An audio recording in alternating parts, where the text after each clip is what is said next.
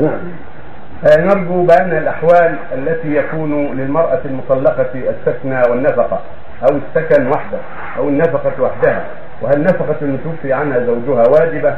وكذلك سكناها النفقة تكون مطلقة رجعية طلقها واحدة أو اثنتين أما إذا كان مطلقة آخر الثلاث الطلقة الأخيرة آخر الثلاث فلا نفقة لها ولا سكنها بالنص. عن النبي صلى الله عليه وسلم وهل كان متوفى عنها بائنة ليس لها نفقة في مال الزوج مال الزوج صار المرأة وإنما نفقتها في ماله في نصيبها من العلم. نعم. وهكذا المخيوعة من طلقها على مال هذه بائنة ليس لها نفقة لأنها غير رجعية إنما النفقة كما قال النبي صلى الله عليه وسلم للمرأة إذا كان زوجها رجوع إليها. أما إذا كان لا رجوع له فلا نفقة عليه أما العدة فلا بد من نعم. بعد العدة لا لا نفقة لها عند جميع العلماء. بعد إخراج الخروج من العدة لا نفقة لها عند جميع أهل العلم.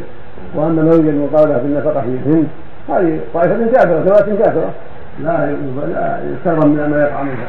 من الطالب بوجود آه، النفقة على المرأة المطلقة ولو بعد العدة إلى أن تموت أو إلى أن تزوج هذا قول باطل لا أساس له وهو جميع أهل العلم.